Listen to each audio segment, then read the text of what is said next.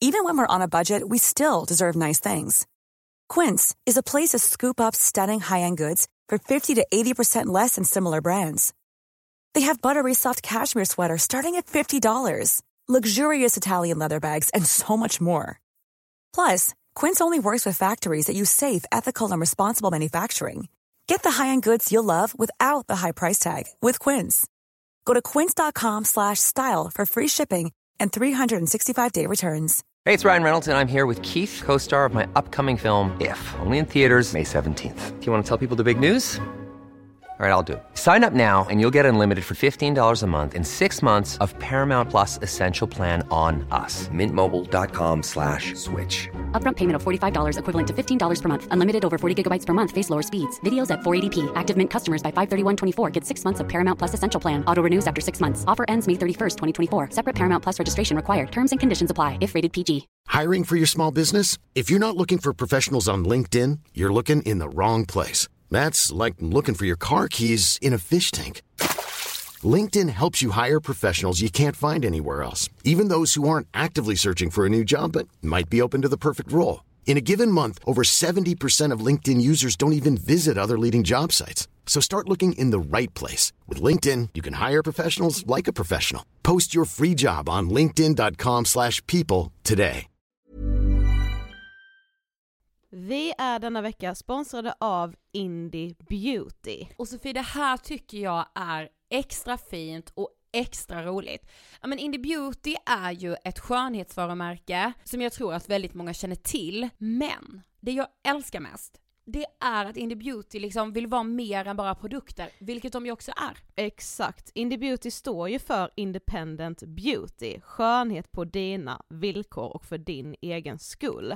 Och Indie Beauty tror ju stenhårt på ett alternativt skönhetsideal fritt från måsten, skam och känslor av otillräcklighet. Där är jag helt med Indie Beauty. Jag med. Det är så jag vill att skönhet ska vara. Ja men verkligen. Och vet du vad som är nytt för i år Sofie? Berätta. Från och med i år så skänker Indie Beauty 1% av sin försäljning till Suicide Zero, Tjejzonen och Djurens Rätt. Så när man handlar produkter från Indie Beauty så kan man liksom känna att man också ger tillbaka till samhället. Ja, kraften i tillsammans. Ska jag säga en sak nu då, mm. som jag, det, men det är detta jag är extra glad över.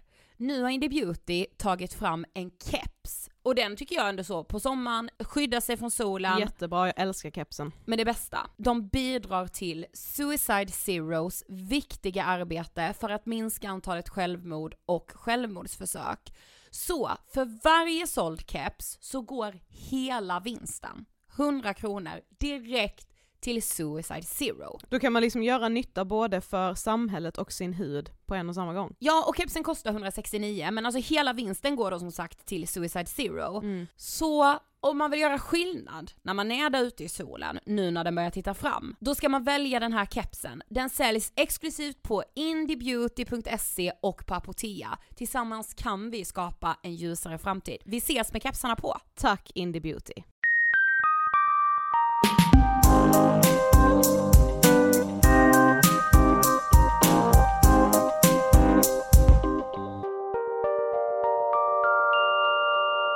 Hej allihopa! Varmt välkommen ska just du vara till avsnitt 304. Ja! Ångest på den! Ja, ja, ja, ja, ja! Skjuts! Jag höll på att säga så här. jag är verkligen på tårna idag. Tills jag insåg att nej det är jag inte, jag är så fucking trött idag. Du skulle ljuga lite liksom. ja, jag skulle vara en lögnerska. Vet vad jag har ett sug efter? Säger du och gäspar? Förlåt, nej. men vet du vad jag har ett sug efter? Nej. Alltså detta är sjukt fillers. Men vad är det? Ja för att du har hållit på med de där jävla instagramfiltrarna, ja. konstigt att du alltså, är sugen på fillers. Ja, jag, vill, jag vill bli så snygg, jag känner ja, mig men så du, förlåt, Ja du är mycket finare, alltså åh du är finast utan filter, men alltså Skriv nej, en låt snälla. Det finns redan en låt som heter så. Jag vet, eh, men, den är typ jättefin också. Ja det är den. men alltså vad fan det är ju som uppgjort för att man verkligen ska börja hata sitt eget ansikte. Jag mm, såg någon mm, mer hålla på mm. med det här på instagram igår. Jag fattar grejen, ja det är mm. därför jag inte ens har dem. Jag vill inte se hur jag ser ut i dem. Nej. Och jag hade ju också, alltså Ah! Du vet jag hade, jag hade ju inte kunnat göra det för att så här, det känns som att jag sviker mig själv. Fattar du? Ja, men det där är ju liksom, alltså Det där är den Jag är, alltså jag är inte emot fillers, man får verkligen göra det om man vill. Jag är liksom inte den som är den som tycker att allt, alltså att det är jättefult och hela den grejen. Eh, för det tycker jag inte. Jag tycker att man kan bli jättesnygg med fillers. Mm. Men jag tycker man är jättefin utan också. Ja. ja men det är dyrt och det är liksom, alltså vad ska jag göra sen? När det har gått ut efter tre månader? Exakt. Då Ska det du liksom, igen, liksom. precis. Det blir att lägga sig under kniven Och det, alltså det fattar man ju med att så här, nej men jag ska bara göra detta, alltså i, i, med att förändra sitt utseende så finns det inga baran. Nej jag vet. Om jag det vet, inte är så att vet. man har något liksom, alltså om, om man har någonting som man inte ändrar för att det är kosmetiskt, att man bara ska bli Mm. snyggare utan att det kanske är något man har någonstans på Mm, kroppen som man liksom, Men jag gjorde ju mina läppar två gånger när jag var 21. ja. Förstår du? Jag har Ja. undrat så många gånger varför. Ja, och man undrar ju också, jag vill liksom inte vara, vara den som bara såhär, ja ah, men det gjorde du ju bara för att du skulle bli snyggare i andras ögon, du kanske faktiskt mådde bättre av det, men man undrar ju varför gjorde Nej, jag du hade det ju i sådana fall? panikångest under den här tiden också. Ja, Men alltså det var inte därför jag gjorde det. Jo det var det kanske. Jag, nej men jag vet, alltså jag har ingen aning men alltså det var så här. Nu när jag ser tillbaka, jag bara gud. Lilla hjärtat. Så tänker jag ju om mig då. men du tänker inte, jag var mycket snyggare då? Jo, jo, gud, jo, men snälla men det var för ung också. Ja, precis, man var så ung och fräsch. Ja gud. Och sen så typ fan. så här, och jag minns också nu för jag har ju det, Jag uppmanar ingen, men jag får säga att jag har gjort det här. Jag biter ju på nätterna. eh, Så jag har ju botoxat mina käkar. Ja men det är väl inte att uppmana till kosmetisk förändring? Nej nej nej men alltså så här, det är skitdyrt, det är allt, det har funkat kanon för mig. Ja, Eh, men när jag gjorde det första gången, alltså det syns ju som sagt inte, då blev jag ändå lite så här, vad trist. att det inte syntes. Alltså när, mm. när jag nu ändå ska göra det här. Mm. Kan jag kunna bli lite snygg på kuppen. Ja. Förstår du? Nu blev du inte det, du blev Nu ful. blev jag ful på kuppen. Nej Nej. det blev jag verkligen inte men ja, Mm. men det är det. Och sen så ena, nu, eh, den här veckan men så beställde jag två par byxor. Mm. Kunde inte ha någon av dem. Alltså jag gick inte knäppa dem liksom. Eh, jag brydde mig inte ett skit. Nej men det är Alltså jag, du vet såhär, jag garvade lite, jag bara ah. Alltså jag bara gud jag är, jag är verkligen inne i ett såhär där jag bara såhär, jag pissar väl på vilken storlek jag har. Ja det är asskönt när man är det där. är så skönt. Mm. Eller skönt, det är ju så befriande. Ja men man bara, ja tack vad skönt att jag bara får leva. Ja precis. Verkligen. Ja, Alltså och bara så det spelar ju ingen roll. Nej, Jag vill ju, det är ju viktigt att jag har kläder som jag trivs i och som sitter bra, sen vilken storlek det är Men på det dem spe- spelar det ju spelar- verkligen ingen roll alltså om jag inte kan ha några byxor på i en klädbutik och gå Mm. till en annan. Precis, Alltså det verkligen så. finns alternativ liksom. Ja men så, och det var skönt. Ja, det är gött. Vi är denna veckan sponsrade av Mendly. Ja, appen som gör det möjligt att gå i terapi genom chatt. Och också gör terapi lättillgängligt. Ja, och det är ju faktiskt så att det är inte bara att man chattar i skrift, för du bestämmer ju helt själv, det funkar liksom som vilken annan chattapp som helst, du kan välja själv om du vill skriva, om du vill skicka ljudfiler i chatten eller om du vill skicka videofiler, så du väljer ju själv på vilket sätt du kommunicerar med din psykolog i appen. Men ni är väldigt många som hör av er till oss om Mendly och att ni har testat och att ni har fått hjälp och det är, alltså det värmer både våra och Mendlys hjärtan. Jag skulle vilja säga att det här är ett sätt att gå i terapi för första gången och man tycker det är väldigt läskigt att liksom ta sig hela steget till en fysisk psykolog så gör ju det här det så mycket enklare att gå i terapi. Ja men exakt. Med det sagt, de som arbetar på Mendley är ju legitimerade psykologer så det är samma sak som att du skulle träffa någon fysiskt. Ja, legitimerade psykologer och legitimerade psykoterapeuter. Yes. Men, men Sofie, vi gjorde ju en väldigt rolig grej med Mendley just för att, ja men du vet när man pratar om så här eh, ätstörningar, depression, ångest så är det ofta så här: det här får du inte säga, det här ska du undvika, det här kan trigga. Och så gjorde vi ju en grej med Mendley att så här, men det här kan man säga till Ja. någon med depression. Precis, och det hela började egentligen med att vi i somras gjorde några inlägg på vår Instagram som blev väldigt uppskattade, där vi liksom skrev ut saker som man lätt kastar ur sig Ja, men till någon som mår dåligt. Borde undvika att säga. Ja, men som bara kommer automatiskt. Jag kan säga så här att när jag hade depression så, Mm. så hade det liksom alltså man har ju liksom så mycket tankar om att man är dålig, att man inte duger, att man inte orkar vara i sitt eget skal Mm. på något sätt. Alltså det var jätteskönt när någon var så här. För mig bety- betyder du hur mycket som helst, jag finns här för dig oavsett hur du mår, du behöver inte liksom förställa dig eller vara någon för mig. Mm. Så just den att bara säga du är så viktig för mig. Och också en viktig sak tror jag som anhörig eller vän till någon som har depression är att komma ihåg att man måste fortsätta våga ställa frågan hur mår du? Och bara veta att det räcker med att jag lyssnar, jag behöver inte komma med massa utvecklade Nej. svar om personen i fråga säger idag är verkligen en skitdag. Så fortsätt våga ställa frågan hur mår du? Det är också väldigt viktigt. Denna då, bara en sån här. Detta på sms. Jag kommer gärna förbi så kan vi ta en promenad. Mm, Nej men, bara en så enkel sak. ja. Och rörelse är ju också väldigt bra om man mår dåligt och det behöver inte vara så, så går du och jag ut och springer två mil Nu utan ska vi göra ett spinningpass. Alltså det behöver det inte. Nej. Denna sista då, hjälper ju Mendley oss med. Jag hjälper dig gärna få kontakt med läkare eller psykolog. Mm. Men det kan ju faktiskt vara skönt också att bara ha någon som sitter med en när man chattar första gången också. Absolut! Det är ju inte förbjudet. Nej! Ladda ner Mendley via App Store eller Google Play. Tack Mendley. Nu är det dags. Det stora avsnittet om DBT. Dialektisk beteendeterapi. Ja, och vem skulle vi kalla hit? Tänkte vi. Ja men vi får ju såklart ta Anna Kåber. Ja. Hon var ju för fasen med och tog DBT till Sverige.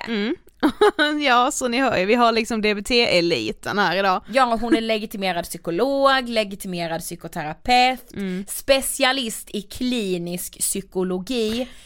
Och liksom, ja men snälla, hon är liksom medlem i psykologförbundet, ja men en jäkla kung. Ja, och vi har ju sagt att vi ska försöka ta upp så många olika terapiformer som möjligt i Ångestpodden för att man liksom ska kunna hitta ett sånt avsnitt och man kanske ska börja i en sån terapiform.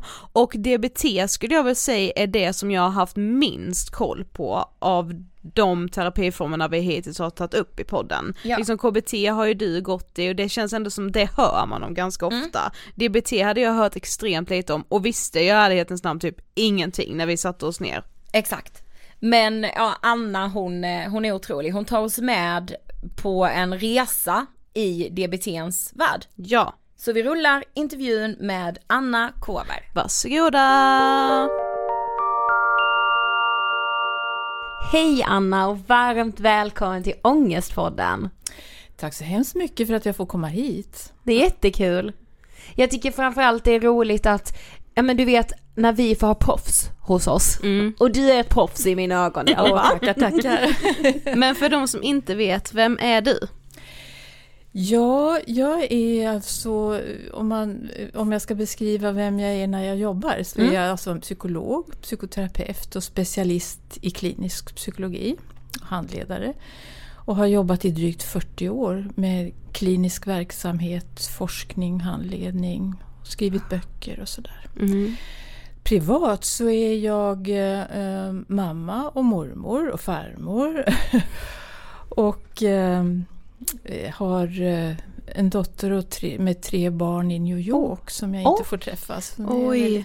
Sen, Ja. har Ja, jag, det är klart. ja, sen har jag två eh, barnbarn i Uppsala där jag bor. Som, Ja. jag, som jag får på avstånd nu med, eh, umgås med lite grann. Mm. Mm. Och så gillar jag musik. Mm. Eh, det är min, eh, min och musik och litteratur. Ja. Så det är lite om mig. Mm. Vad för slags musik gillar du? Ja, jag gillar nog... Eh, alltså jag har mest hållit på och utövat musik själv i så, Ah.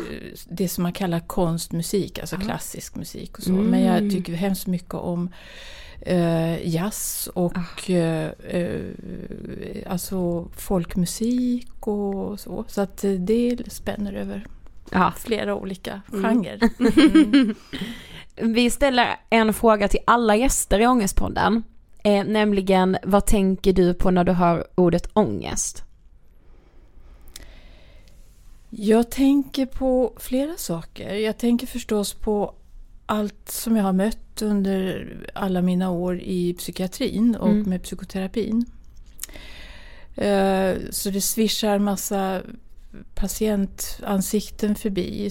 Ehm, Och så tänker jag på att det är faktiskt inte farligt med ångest. Eh, att ångest nog är någonting vi måste lära oss att våga ha lite grann mm. av. Alltså att inte vara så skräckslagna inför det. Och sen tänker jag också att det har gått lite inflation i begreppet. Att mm. man kallar eh, eh, räd, vanlig rädsla numera för ångest och så vidare. Så att det har blivit ett mycket större begrepp än vad det faktiskt kanske skulle vara eller borde vara. Mm. Mm. mm. Men du har ju som sagt jobbat med det här i väldigt många år. Ja. Men vad fick dig att intressera dig för just psykologi? Hur hamnade du där liksom? Ja men, ja men som så mycket annat här i livet så är det ju lite grann av en slump men mm. inte bara utan jag, jag, jag är uppvuxen i ett läkarhem. Mm. Eh, båda mina föräldrar var läkare och eh, det var ett humanistiskt hem. Jag var intresserad av människor. De var intresserade av människor och jag blev intresserad av allt som har med människor att göra. Så, att, så kan man säga att en grov sortering, jag skulle inte bli liksom kärnfysiker eller, eh, eller bonde eller någonting utan riktningen låg ju åt det här hållet. Mm. Men sen att det blev psykologi, jag sökte in till utbildningar, det här var 1970 tror jag. Jag kom in på lite olika saker, valde det här. Och som så mycket annat här i livet så växer engagemanget och intresset efterhand. Man mm. börjar någonting, på någonting. Så jag brann inte för det här i början utan jag har blivit mer och mer intresserad. Och ju mer jag vet desto mer förstår jag att jag inte vet allt. Så jag är ja. fortfarande så väldigt nyfiken på människan, människans fungerande och icke-fungerande. Mm. Så det har varit ett lyckokast. Jag har trivts jätte, jättebra. Mm. Ah. Så grattis alla som väljer det. Ja, bra val. Ja. Men idag så ska ju vi som sagt prata om terapiformen DBT. Mm. Vad står det för? Dialektisk beteendeterapi, ett jättefyrkantigt eh, begrepp eller ord ja. eller vad man ska säga. Eh, som jag hoppas kunna få förklara vart efter vi pratar på. Ja. Vad det är för någonting, varför det har fått detta konstiga namn. Ja, men, men du kan få förklara nu, alltså vad är ja, det? Kort, liksom? Jo, ja. alltså eh, det är en slags KBT. Mm. Och det har ni ju pratat om tidigare här i mm. podden så det vet eh, de flesta vad det är. Mm.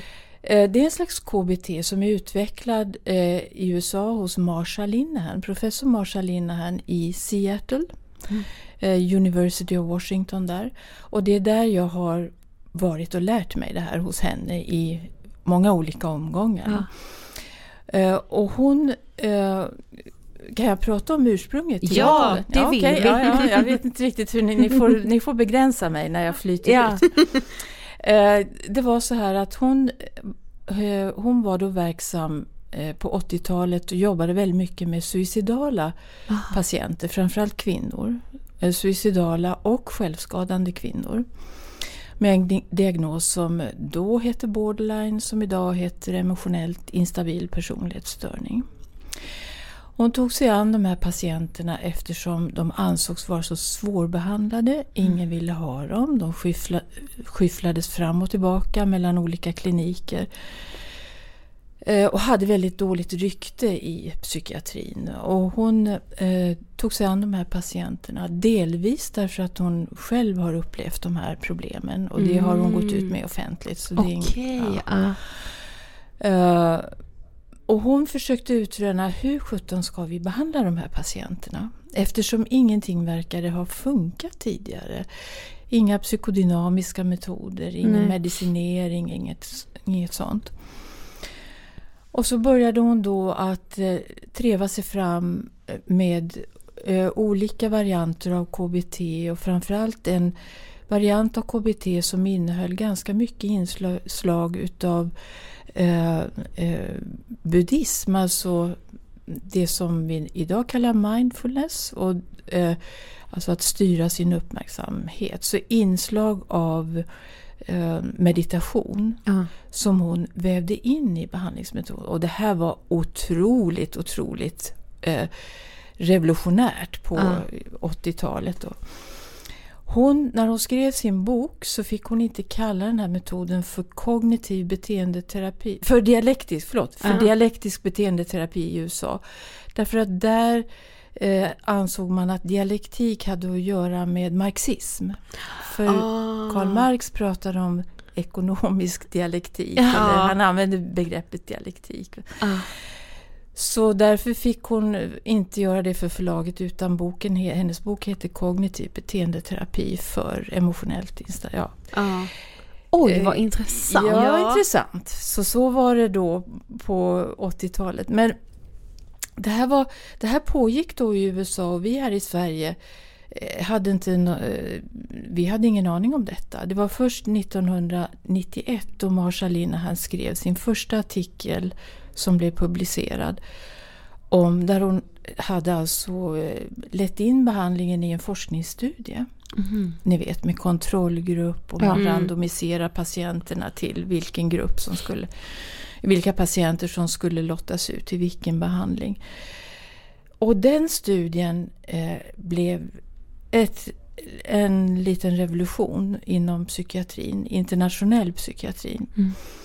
För där kunde hon påvisa då att hon med behandlingen minskade antalet självskador, minskade antalet självmordsförsök, minskade antalet dagar i eh, sluten psykiatrisk vård, eh, minskade kostnader för behandlingen för de här patienterna som var jättedyra att behandla.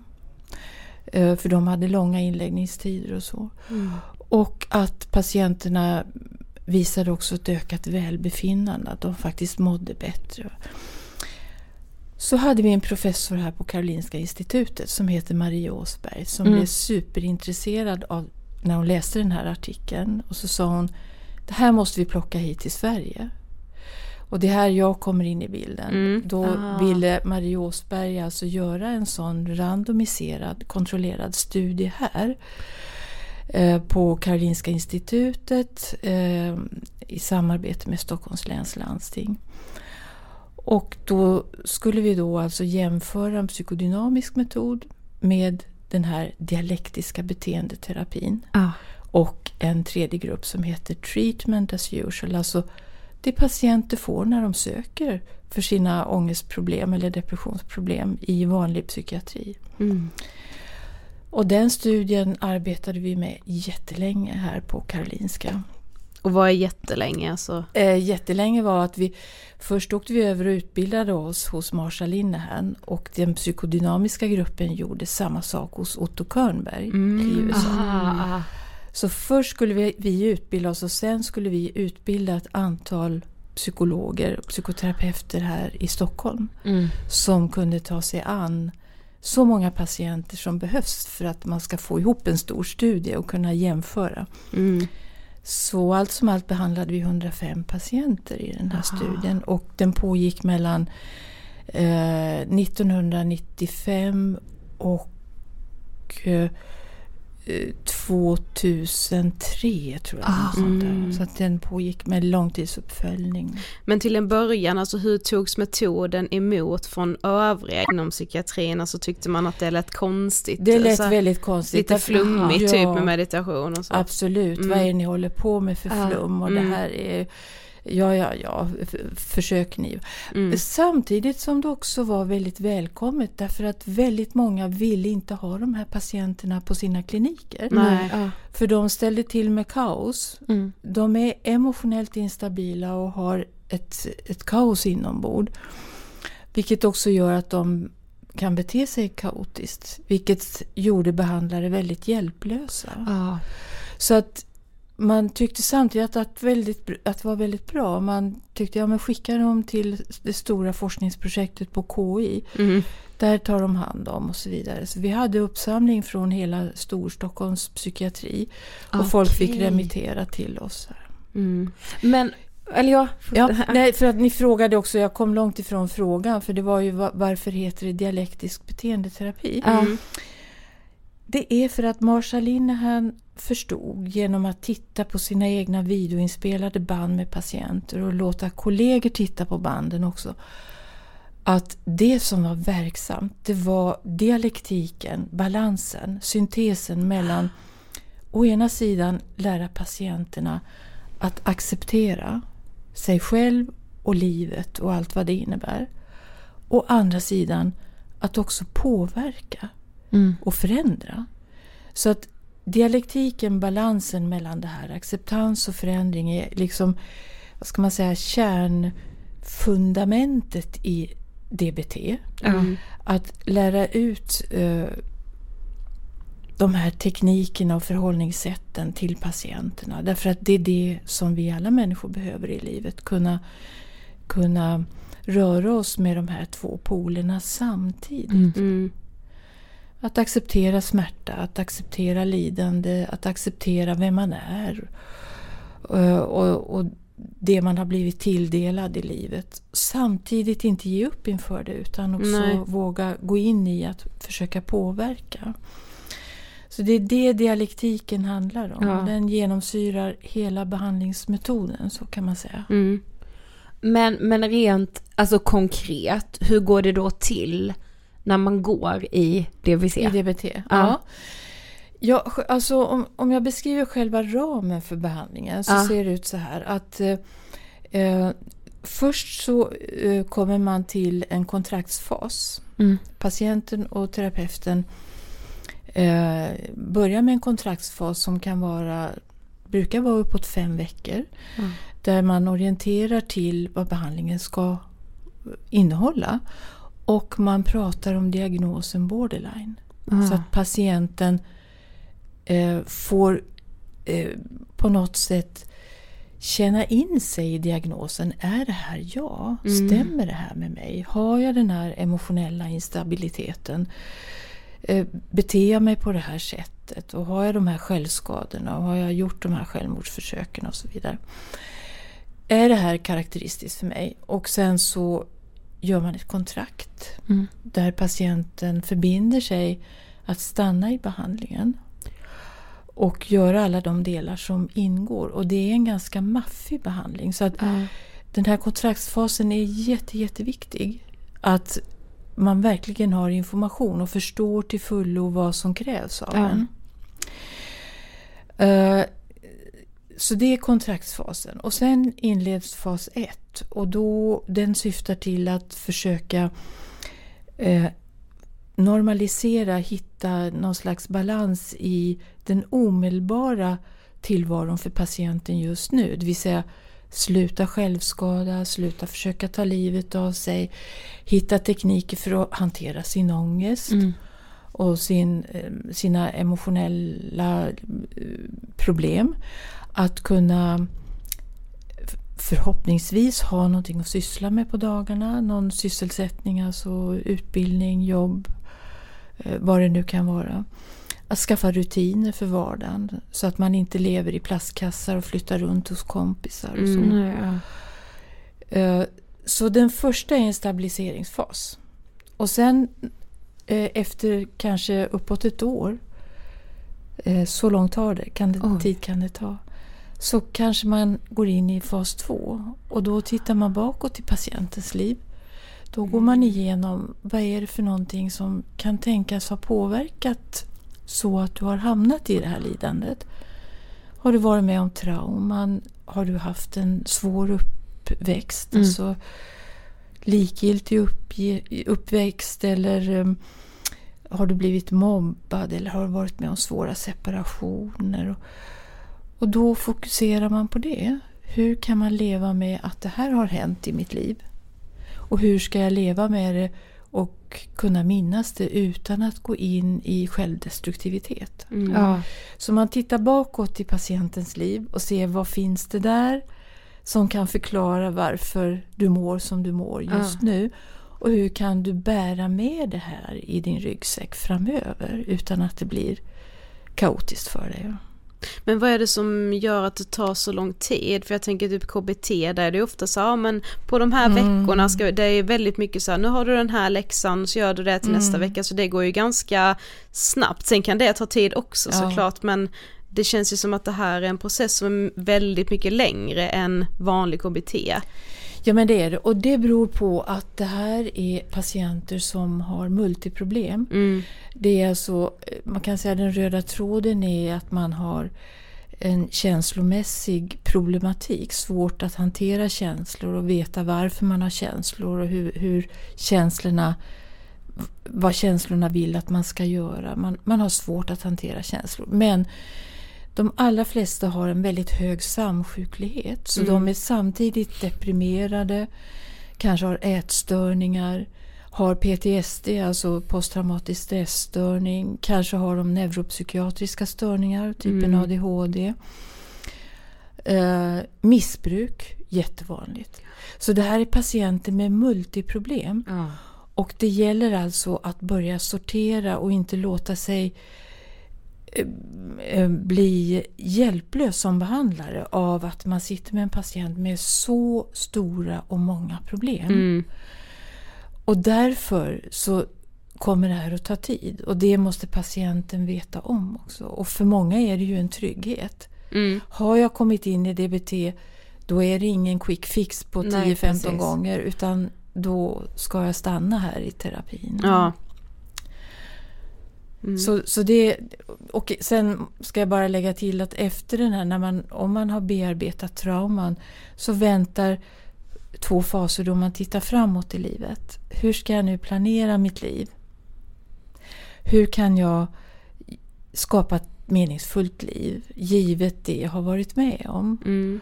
Eh, och med alla de nya kunskaper jag har fått från DBT. Så då, då tittar man väldigt mycket framåt och det är en kreativ fas i DBT. Då man, patienten upplever som att skapa, skapa sig ett liv som är värt att leva. Mm. Eh, men vad är det liksom som behandlas med DBT? Mm.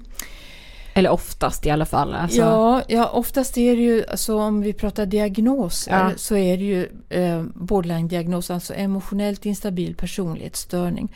Och de som tas in i DBT är ju oftast också självskadande och suicidala. Så det, det är den första eh, diagnosen om vi pratar diagnoser som behandlas med DBT. Och sen så finns det DBT som har utformats för att passa till andra diagnoser som bulimi, som också är en um, impulsivitets, emotionellt instabilitetsproblematik helt enkelt. Svårigheter att reglera känslor. Den har utformats för rättspsykiatriska patienter eh, som, som begår våldsbrott och, och ja, som har mördat och så vidare. För där ser man också den här länken till impulsivitet och svårighet att reglera känslor och empatilöshet och så vidare. Den har anpassats till eh, eh, unga eh, tonåringar med morfinmissbruk. Det är Alec Miller i New York som tar sig an alltså street kids som bor på gatan och har missbruksproblematik och en borderline-diagnos. Och som självskadar. Den har också anpassats till, um, och där har vi min jättegoda vän och kollega Alan Frusetti som numera finns i Boston. Han har utformat jättefina behandlingsprogram för eh, familjemisshandlare och för par. Par där kanske den ena eller båda eh, har problem med borderline-problematik eller impulsivitet. Eller, så att par som har stora, stora problem och där det ofta förekommer misshandel. Mm. Ja, det är så spännande. Ja. Gud vad intressant. Ja. Ja, ja. Så att DBT finns anpassat och det finns idag uppåt, uppåt en 50 olika eh, studier som är gjorda kring de här problemen så att det börjar komma evidens Ja. för Mm. att, att det fungerar. Mm. Men vad skulle du säga att det finns för vanliga myter eller missuppfattningar om just DBT? Eh, ja... Det, det, finns, det finns väl en myt om att, eh, ehm, att det kanske är 100% läkning i DBT. Mm. Det kan vi inte säga. Vi kan inte slå oss för bröstet i det. Alltså att vi är så pass effektiva att bot, vi botar alla. Det finns eh, också en myt om att det är så svårt att få tillgång till den. Det kanske till och med en, har varit en sanning men är det faktiskt inte lika mycket idag. När jag började med DBT här i Sverige, när vi startade vårt program, då var det naturligtvis obefintligt. va? Mm. Det är också en myt, eller eh, som inte bara är en myt, att det är en väldigt komplex behandling som bara passar vissa patienter. Mm. I'm Sandra, and I'm just the professional your small business was looking for. But you didn't hire me because you didn't use LinkedIn jobs. LinkedIn has professionals you can't find anywhere else, including those who aren't actively looking for a new job but might be open to the perfect role, like me. In a given month, over 70% of LinkedIn users don't visit other leading job sites. So if you're not looking on LinkedIn, you'll miss out on great candidates like Sandra. Start hiring professionals like a professional. Post your free job on linkedin.com/people slash people today. A lot can happen in three years, like a chatbot may be your new best friend. But what won't change? Needing health insurance. United Healthcare Tri Term Medical Plans, underwritten by Golden Rule Insurance Company, offer flexible, budget friendly coverage that lasts nearly three years in some states. Learn more at uh1.com. Quality sleep is essential. That's why the Sleep Number Smart Bed is designed for your ever evolving sleep needs. Need a bed that's firmer or softer on either side? Helps you sleep at a comfortable temperature? Sleep Number Smart Beds let you individualize your comfort so you sleep better together. JD Power ranks Sleep Number number 1 in customer satisfaction with mattresses purchased in-store. And now, save 50% on the Sleep Number limited edition Smart Bed for a limited time. For JD Power 2023 award information, visit jdpower.com/awards. Only at a Sleep Number store or sleepnumber.com. Eh, och att man ska vara väldigt speciell för att klara av att gå i, i DBT. Ehm, så att det, det, ja, det finns säkert fler myter som jag inte känner till. Men eh, det är ungefär så. Mm. Vad skulle du säga är de största fördelarna och de största nackdelarna med DBT? Ja, alltså DBT är utformat så här att det- kommer man in i en DBT då får man individualterapi hos en terapeut. Man går i grupp i något som kallas färdighetsträning hos en annan terapeut. Eh, Man får i bästa fall när det är eh, DBT som är fullskalig på en klinik då erbjuds också anhörigutbildning så att patientens anhöriga får gå, inte i terapi, men i information och eh, utbildning. Eh, och jag ska berätta vad det är man lär ut. här. Eh, patienten har också tillgång till speciella strategier som kallas för telefonstrategier. Att patienterna får ringa sina terapeuter när de är i kris. När det de- låter så bra. när de är på väg att skära sig Ja. eller ta en överdos eller kasta sig framför en lastbil. Alltså, när de är på väg in i sådana otroligt destruktiva beteenden Mm. så ska de kunna få hjälp av sin terapeut med färdigheter Okej. som lärs ut i den här gruppen. Ah. Eh, Så att, därför att det är väl det som har med all psykoterapi visat sig vara så svårt att få eh, tekniker och strategier som man lär sig i terapin att generaliseras ut i vardagen. Ja, precis. Och det, har man, det tog Marsalina här fasta på. Så hon sa att det kan inte vara så att patienterna ska lämnas ensamma när de har det som svårast. Nej. Och det här har varit en riktig knäckfråga. Det är många terapeuter som säger nej, nej, nej. Det här fixar inte vi. Men tillräckligt många som säger ja, ja, ja. Jag går med på det här. Under ehm, reglerade former, för det är det ver- verkligen. Man får inte ringa hur som helst. Det finns ett regelsystem kring det. Ja. Det är det. Och sen så eh, är det också så, och det vill jag betona, att det är en teambehandling detta. Så att färdighetstränaren, individualterapeuten, sitter i team och har teammöte varje vecka. Då patienterna tas upp och diskuteras.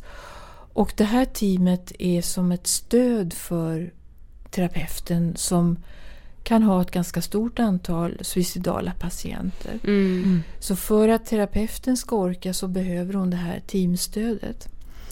Men eftersom patienten har både en färdighetstränare och en terapeut så har hon två terapeuter. Mm. Och är det så att man blir förbannad på sin individualterapeut så kan färdighetstränaren gripa in och stötta eh, patienten eller vice versa. Mm. Så det, man lämnas inte ensam. Däremot så måste terapeuterna kunna diskutera patienterna i det här teamet varje vecka och få stöttning och få utmaningar också. Och säga att du måste göra mer av det här eller det här för att hjälpa din patient. Mm. Så på så sätt så är det ett, en bred spektrumterapi som Mm. innehåller så många olika komponenter. Och det är många patienter som tycker att det här är mastigt. Mm.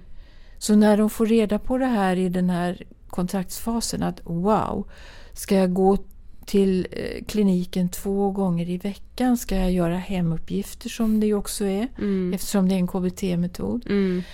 Ska jag till och med ringa min terapeut? Och wow, alltså det är många som tycker att det är otroligt maffigt. Eh, och det är det också. Så därför finns det en regel som säger alltså att om man uteblir från terapin eller färdighetsträning eh, fyra gånger i rad så är man ute ur behandlingen. Mm. Eh, och det är nästan oavsett anledning. Alltså det ska vara till väldigt starka anledningar för att...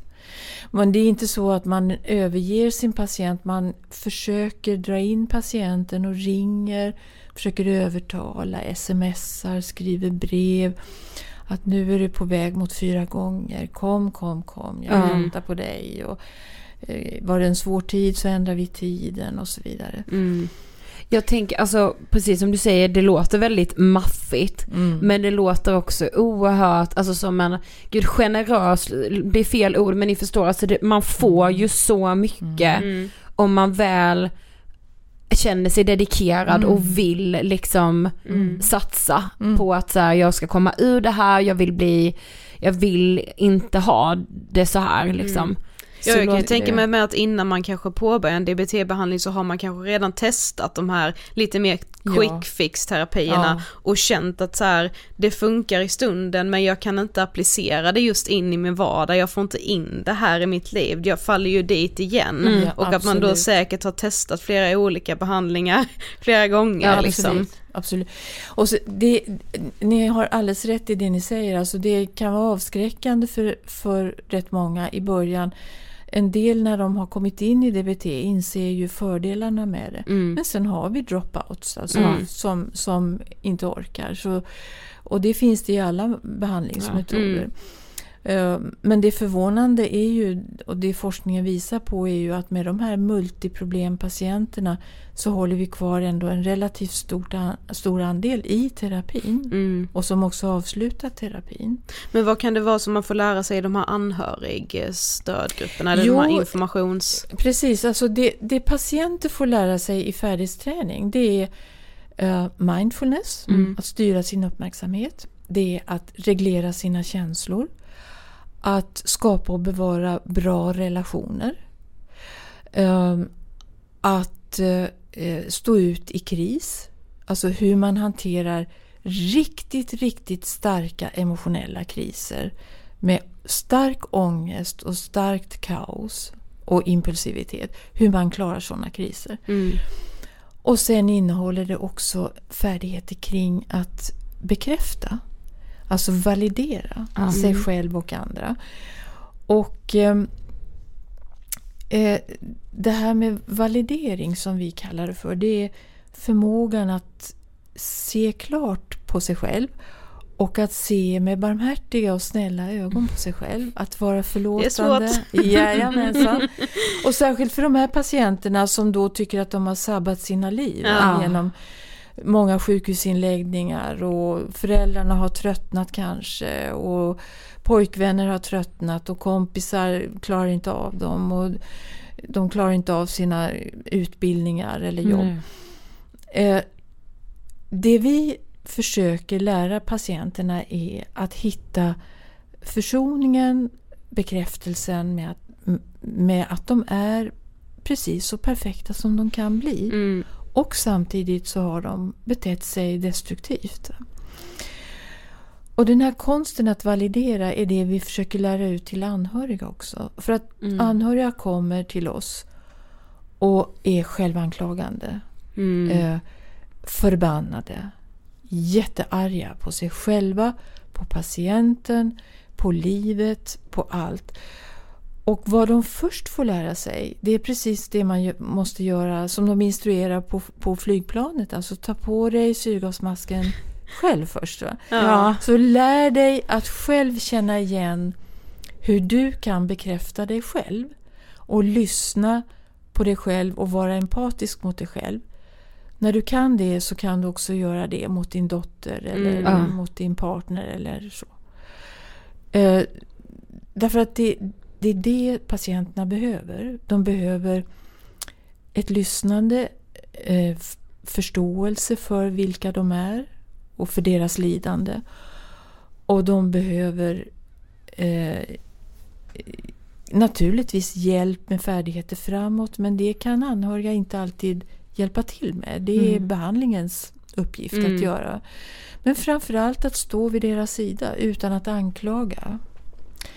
Så att det är det föräldrarna, och sen får de lära sig mycket om själva diagnosen. Alltså vad, vad är det här med borderline? Varför får människor borderline? Och vad är det för faktorer som gör att de har hamnat...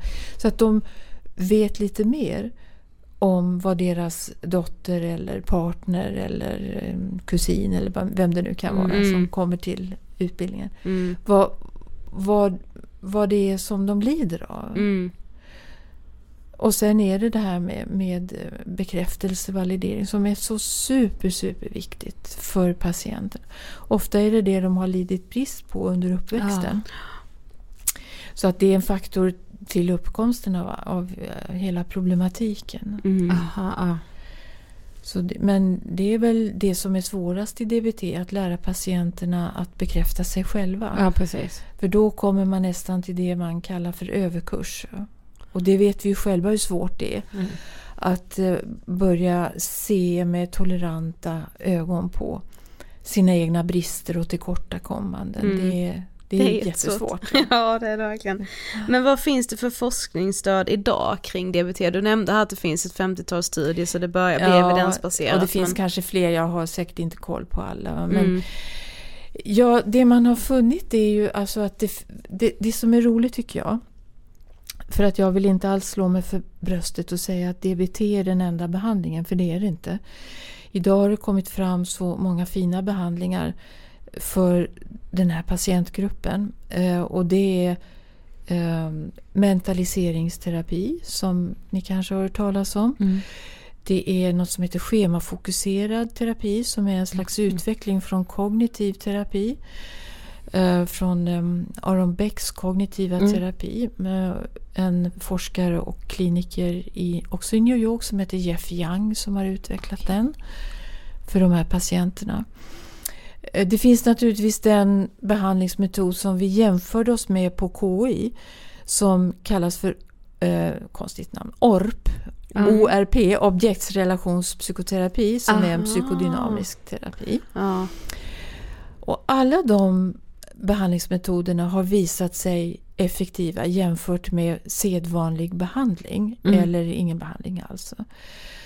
Och DBT ligger kanske lite i framkant där, att vi kan påvisa sådana faktorer som är viktiga, det vill säga att man minskar eller helt raderar ut självskada. För det är det, är det första målet. Ja. Att få patienten att sluta skada sig själv. Mm. Vi minskar också självmordsförsöken, allvarliga självmordsförsök. För vi skiljer på självskada och självmordsförsök. Mm. och vi ser också att patienter i stor utsträckning stannar kvar i behandlingen. Det är också ett mått på framgångsrik mm. behandling. Och vi håller patienterna utanför slut, psykiatrisk slutenvård. För dit ska de inte. Nej. Om vi kan förhindra det. Precis. Så att de ska behandlas polikliniskt, alltså komma i dagbehandling. Uh, och, att, och det här gillar ju landstingspolitiker att se att det är kostnadseffektivt. Mm, så att man spar för att det kostar väldigt mycket att ha patienter på det vi kallar IVA, alltså mm. intensivvårdsavdelningarna. De har skurit sig allvarligt eller försökt ta livet av sig med diverse hemska metoder. Um, och det kostar också väldigt mycket med slutenvård. Mm. Eh, och sen också att vi kan visa på att patienterna är mindre deprimerade, har mindre ångest, kanske har minskat hetsätningar och kräkningar. Att relationerna funkar bättre och så vidare. Alla de här måendevariablerna som Ja, är viktiga också. Så det är det forskningen visar. Att vi, och det här är så, alltså, det är så enormt roligt.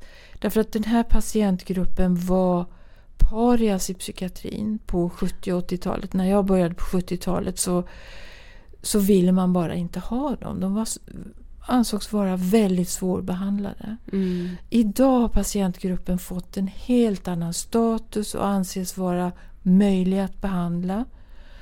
Och möjliga, patienterna kan få goda liv. Ja. Mm. Och jag ryser av Ja, sånt. men det är en liksom revolution kan inom ske psykiatri. Alltså det ja, är ju för det. den, för den patienten, det är det verkligen. Ja, ja. Verkligen har skett jättemycket på de här 30 åren. Då måste man säga. Och det är ändå inte så lång tid från att gå Nej. från att vara hopplösa fall Nej. till att så här, det här kan vi behandla, Ja. det kommer ta lite tid men Ja. du kommer få ett bra liv. Liksom. Jo men alltså jag minns när vi satte igång studien på KS, så, på KI, så fick vi remisser från Storstockholm med eh, gula post-it-lappar på där det stod skicka inte tillbaks patienten, vi vill inte ha henne här. Och det, det handlade om, och jag vill inte anklaga någon, men Nej. det här är patienter i inre kaos som Mm. skapar hjälplöshet hos läkare, syrror, psykologer. Och det var vad som skedde. De blev utagerande, vilket många patienter blir, i sin desperation, Mm. i sin starka ångest. Så de slog sönder inredningen på mottagningen eller de blev hotfulla, till och med våldsamma och så vidare. Och det är klart att då vill man inte ha dem där. Man, Nej. man orkar inte med det. Mm.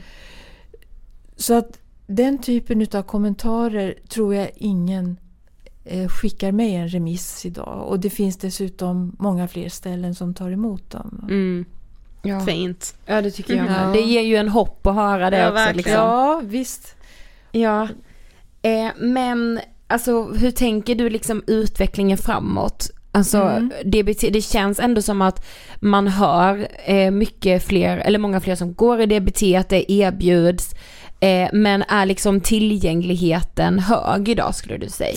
Ja, jag gick in och kollade faktiskt inför det här samtalet. För, Ja. att, eh, för att ehm, alltså det man ska göra om man söker DBT det är att gå in på en hemsida som heter eh, www.dbtsverige i ett ord.se Aha. och så ska man gå in under fliken patient, anhörig och patient eller patient och anhöriga. Eh, minns inte riktigt vad den heter. Där kan man få upp en lista över alla DBT-team i hela Sverige. Och de sprider sig från norr till söder. I, i alla fall de största eh, psykiatriska klinikerna kan erbjuda DBT. Mm.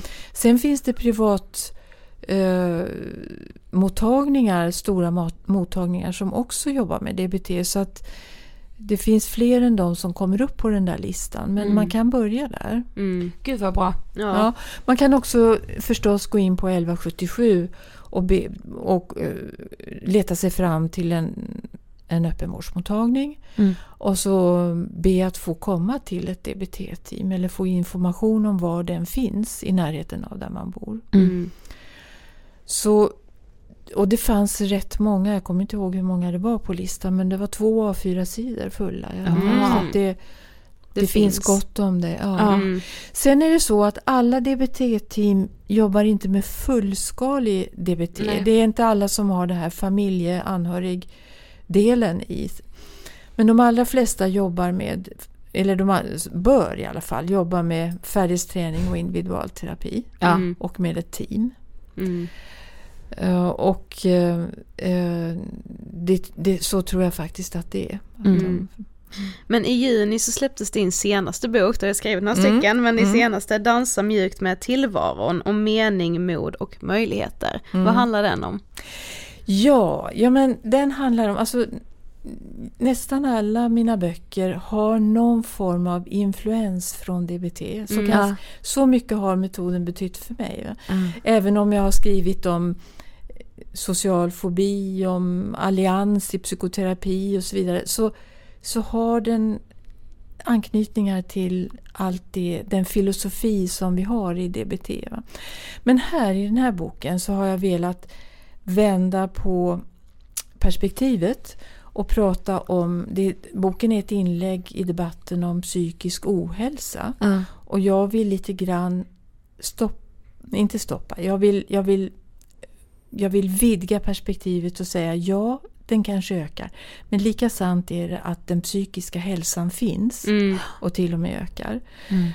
Och då har jag försökt att formulera vad är psykisk hälsa?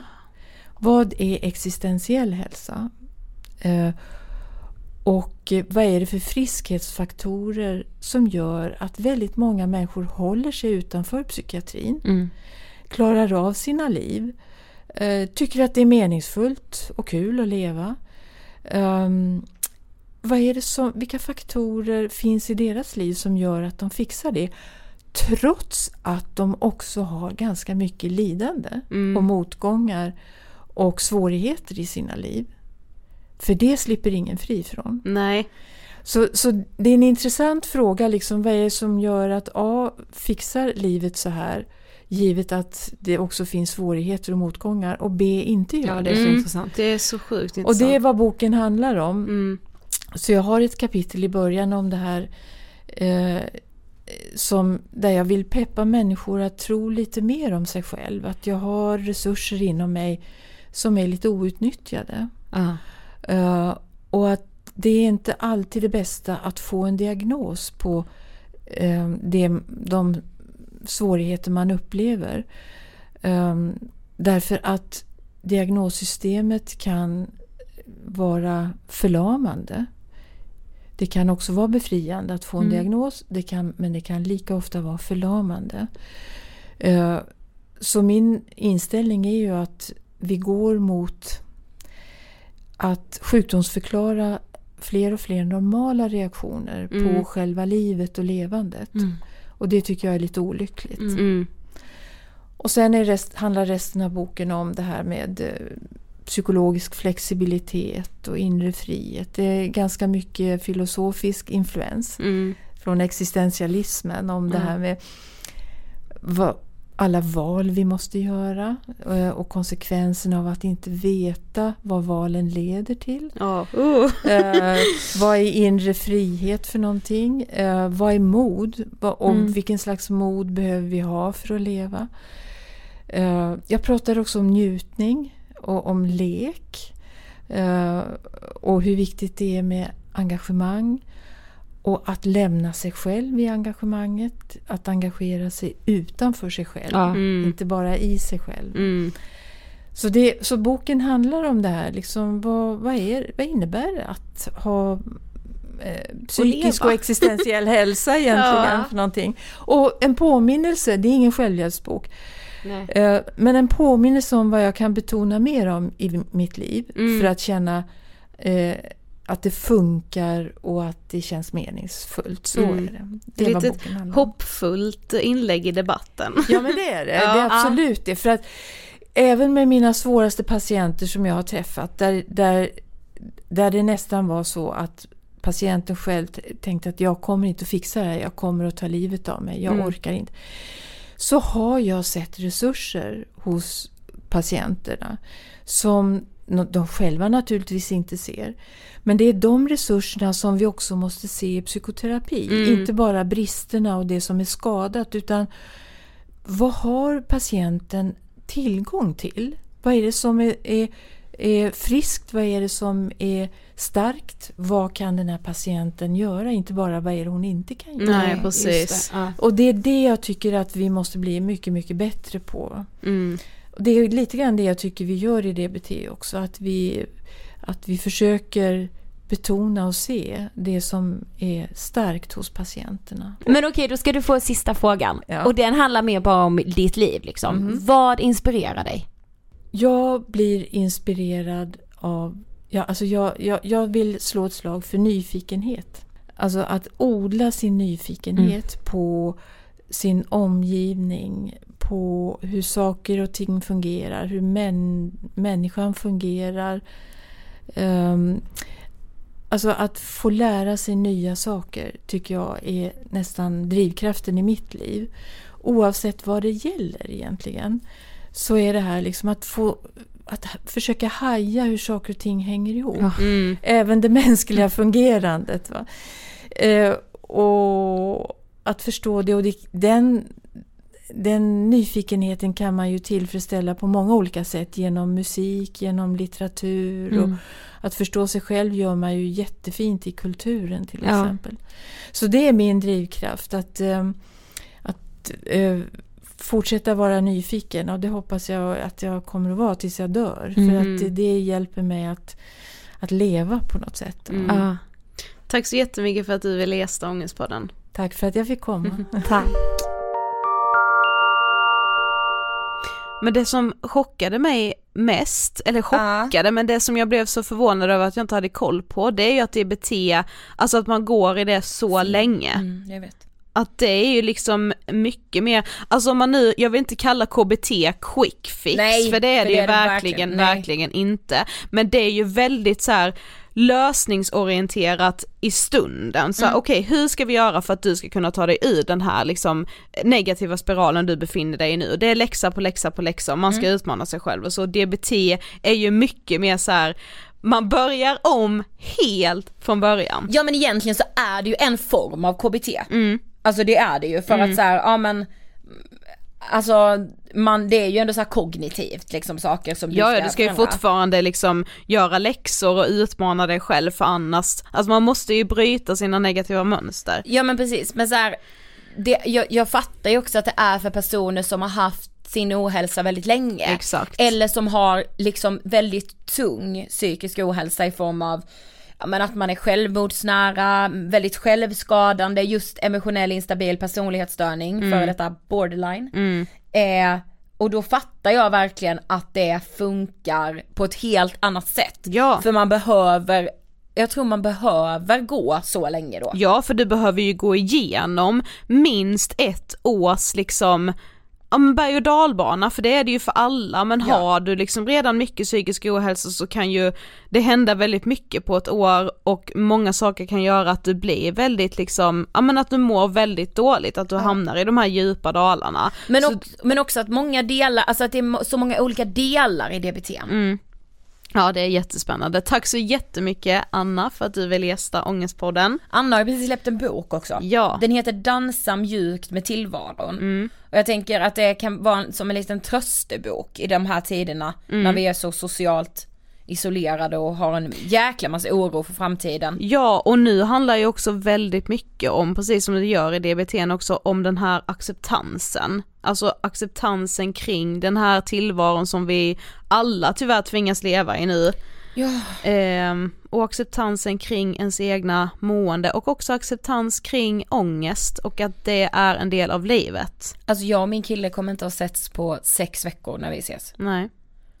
Alltså det har aldrig hänt sen vi blev tillsammans. Nej, men... Och jag, så här, jag fattar att så här, det låter kanske jätte så här, töntigt och jag vet de som har distansförhållande som är jävligt, jävligt långt iväg och där det kan gå typ ett halvår in. Jo men då har man ju ändå valt det, alltså man har ju vetat Ja man, man har typ ställt sig in och sen så nu bara blev all hela coronasituationen så mycket värre och vi, alltså hur ska vi kunna ta oss till varandra, det känns bara oansvarigt och ah, alltså du vet det här är, det kommer ni höra de närmsta veckorna. Mm. Att jag kommer våndas och gnälla. Mm. Men så får det vara. Vi får alla ja. vara lite gnälliga nu tänker jag. Alltså, Vardagsångest. Ja, mm. verkligen. Nästa torsdag kommer ett nytt avsnitt av Ångestpodden givetvis. Det gör vi, ger oss in i idrottsvärlden då. Ja, Och spännande. i pappavärlden. Ja! Gud så spännande. Två flugor i en smäll kan man säga. Ja. Vi hörs då. Och ni, ni står på läktaren och hejar på hoppas jag. Det får man ju inte. Nej just det. Nej men ni står i den, i online-läktaren. Cyberläktaren, ja. Cyber, äh, ångest på den cyberläktare. ha det bra, hejdå. hejdå.